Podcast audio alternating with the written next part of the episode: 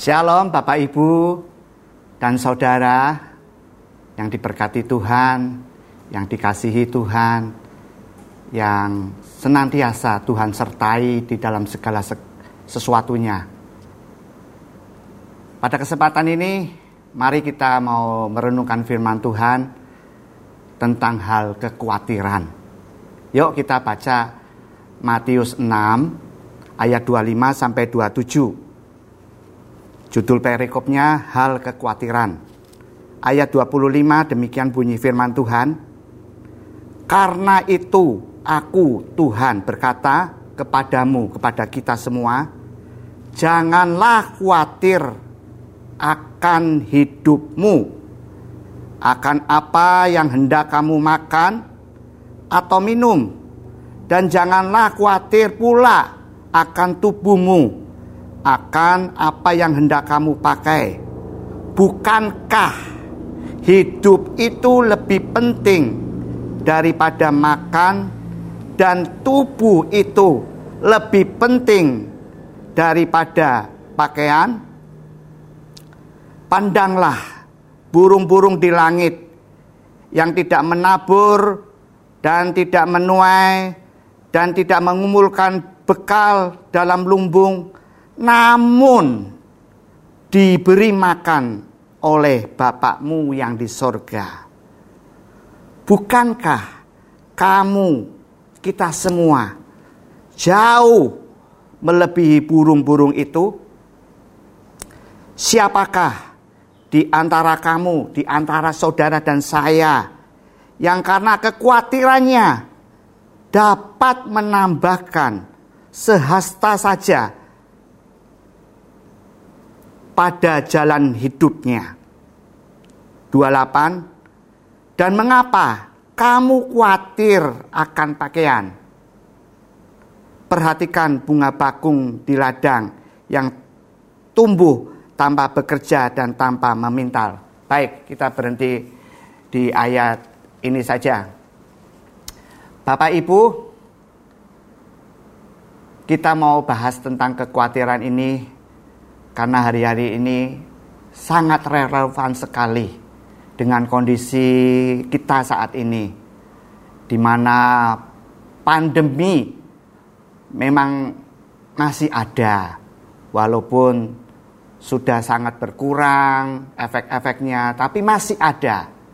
Dan itu mempengaruhi perekonomian suatu bangsa perekonomian rumah tangga perekonomian anak-anak Tuhan juga.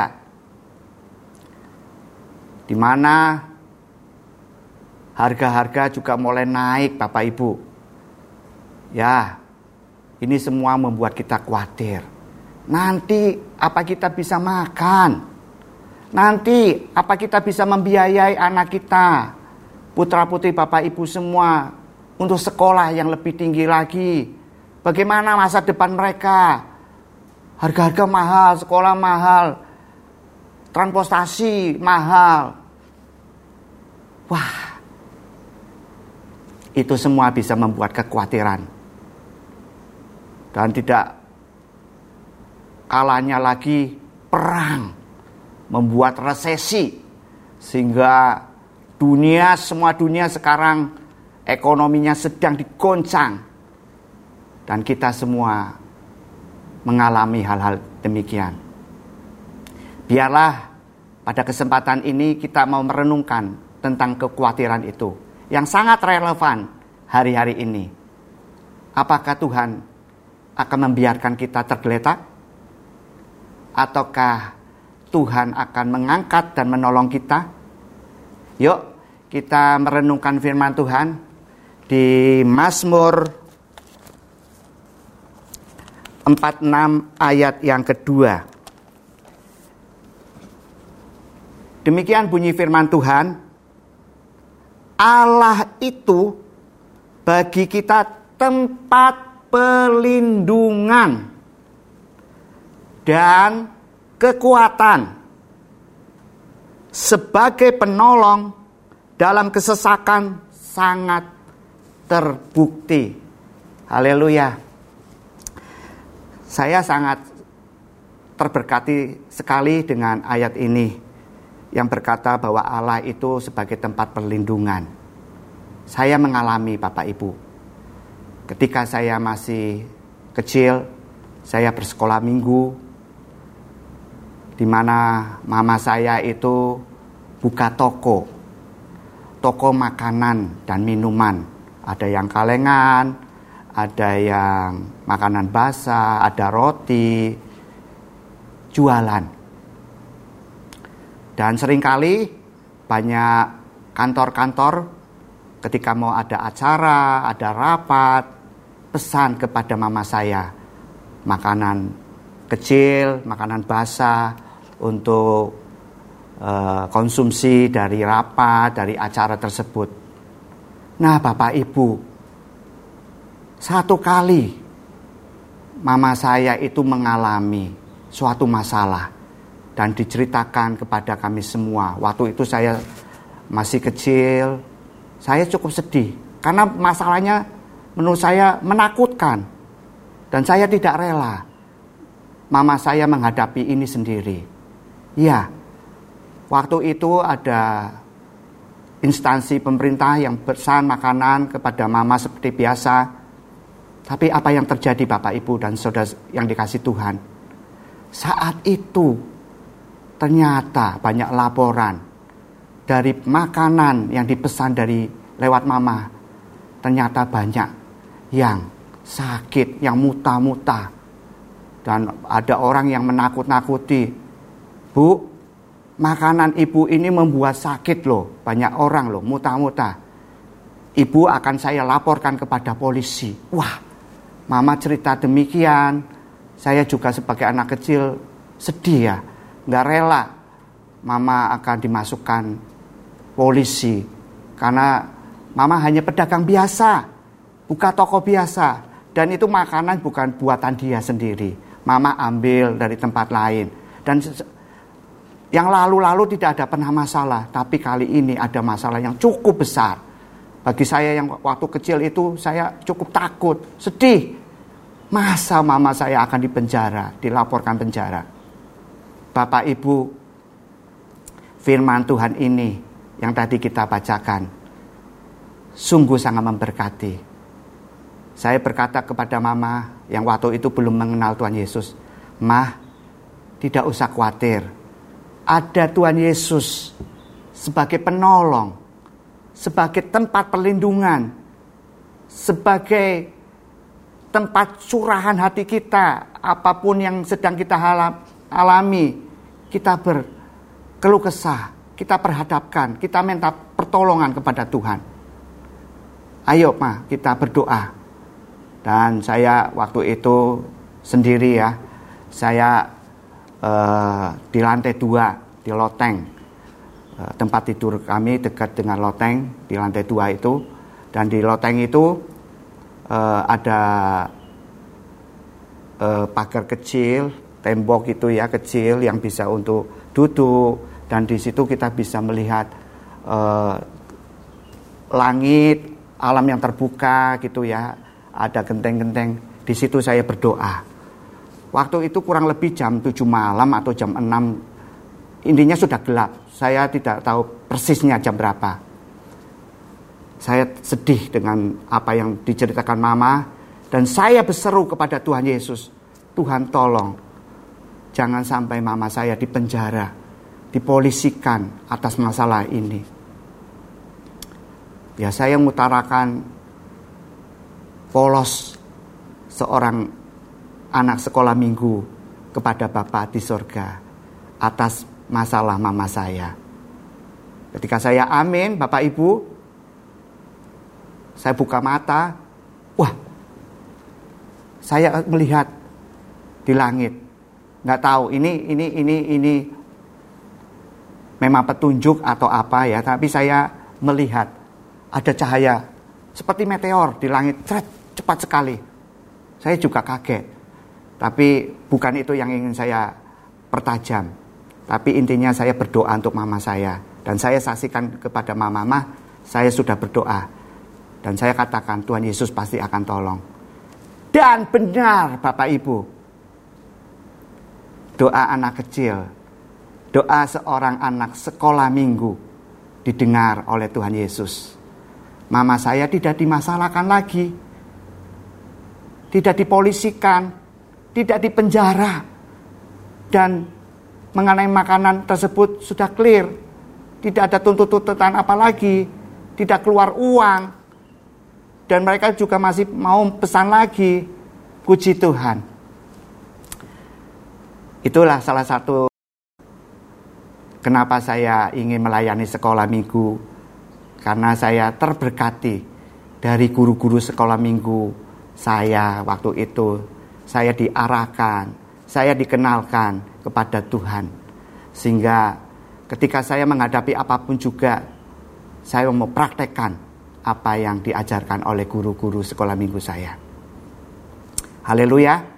Biarlah kalau saudara, Bapak, Ibu semua mengalami persoalan, ingatlah Mazmur 46 ayat 2 bahwa Allah itu tempat pelindungan dan kekuatan. Saudara, Bapak Ibu semua bisa takut, bisa gemetar, bisa lemas, bisa takut. Tapi Allah itu kekuatan. Dia sanggup memberi kekuatan kepada kita yang lemah.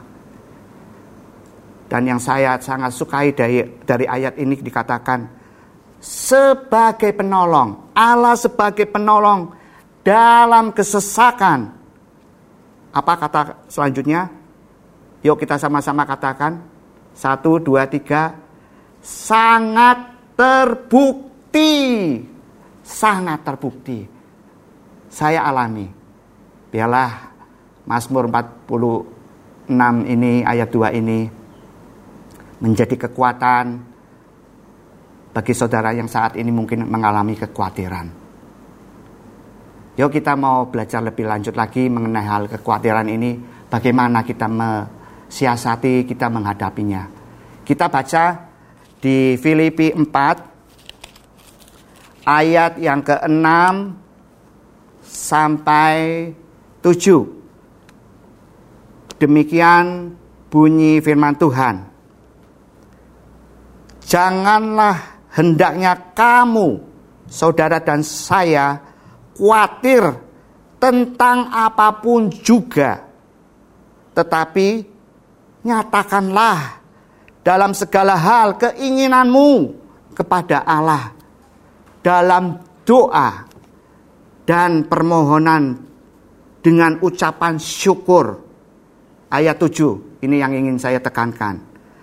Damai sejahtera Allah yang melampaui segala akal akan memelihara hati dan pikiranmu dalam Kristus Yesus. Bapak Ibu, kalau kita berbicara tentang kekhawatiran, pasti yang pertama kali diserang adalah pikiran kita. Kegelisahan di dalam hati kita. Sampai-sampai mungkin kita tidak bisa tidur. Tidur pun masih teringat-ingat akan yang kita khawatirkan. Saudara, ayat 7 ini berkata, damai sejahtera Allah yang melampaui melampaui segala akal akan memelihara hati dan pikiranmu dalam Kristus Yesus. Biarlah kita minta jangan sampai hal kekhawatiran ini menggoncangkan akalmu, menggoncangkan hati dan pikiran kita. Kita mau lawan dengan doa, dengan permohonan kepada Tuhan dan minta damai sejahtera Allah. Ingat baik-baik, Allah dapat memberikan damai sejahtera yang melampaui segala akal, segala kekhawatiran kita dalam Kristus Yesus. Ini kiat kita yang kedua, kita hadapi kekhawatiran dengan damai sejahtera Tuhan. Melalui doa, pengharapan kita, dan kasih kita kepada Tuhan. Haleluya. Saya ingin bagikan ayat penguat lagi di Mazmur 37 ayat yang ke-28. Demikian bunyi firman Tuhan.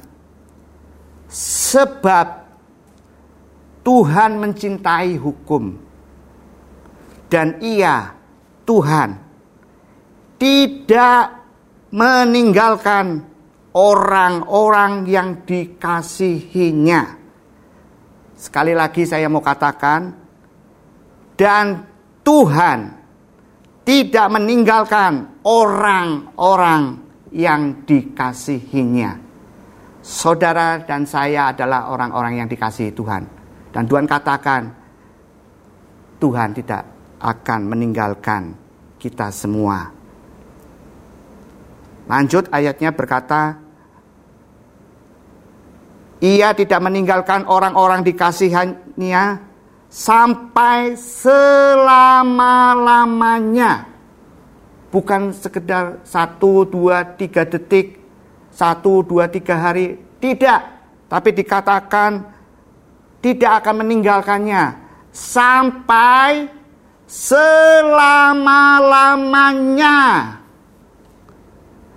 Mereka akan terpelihara. Haleluya. Tepuk tangan buatan Yesus. Dia baik. Dia yang memeliharakan kita. Tetapi anak cucu orang-orang fasik akan dilenyapkan. Kalau kita khawatir dan kita menjadi fasik, tidak percaya kepada Tuhan, tidak mau bersandar kepada Tuhan, itu kita menjadi orang-orang yang fasik. Dan Tuhan sudah katakan akan dilenyapkan. Orang-orang yang mengandalkan kekuatannya sendiri, bergumul kekhawatiran dengan kekuatan sendiri, tidak mau bersandar kepada Tuhan, tidak mempercayai firman Tuhan, itu orang-orang fasik. Maka kekhawatiran itu akan bisa terjadi karena tidak ada pemeliharaan Tuhan. Tetapi ingat, Tuhan katakan, "Iya, Tuhan Yesus saya ingin ulang kalimat ini, ayat ini, karena ini sangat memberkati kita semua. Tuhan tidak meninggalkan orang-orang yang dikasihinya sampai selama-lamanya. Mereka akan terpelihara. Haleluya. Biarlah firman Tuhan di Mazmur 37 ini kita tangkap dengan baik. Kita katakan kepada kekhawatiran kita, persoalan kita, kesesakan kita. Ada Tuhan yang memelihara kita, yang membela kita, anak-anaknya. Yuk kita baca lagi di Amsal 23 ayat yang ke-18 sebagai ayat penutup. Karena masa depan sungguh ada dan harapanmu tidak akan hilang. Biarlah Amsal 23 ini mempertegas kita bahwa ke, kesesakan, kekhawatiran itu bukan finish, bukan masa depan kita, bukan penentu masa depan kita. Ingat baik-baik, masa depan ada. Masa depan ada. Disediakan oleh Tuhan pada orang-orang yang mengandalkan Tuhan. Haleluya. Yuk kita berdoa. Mengucap syukur Bapa. Kami tahu hari-hari ini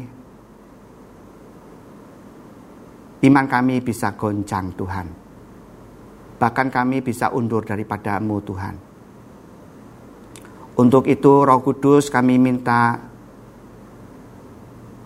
kami boleh bergaul.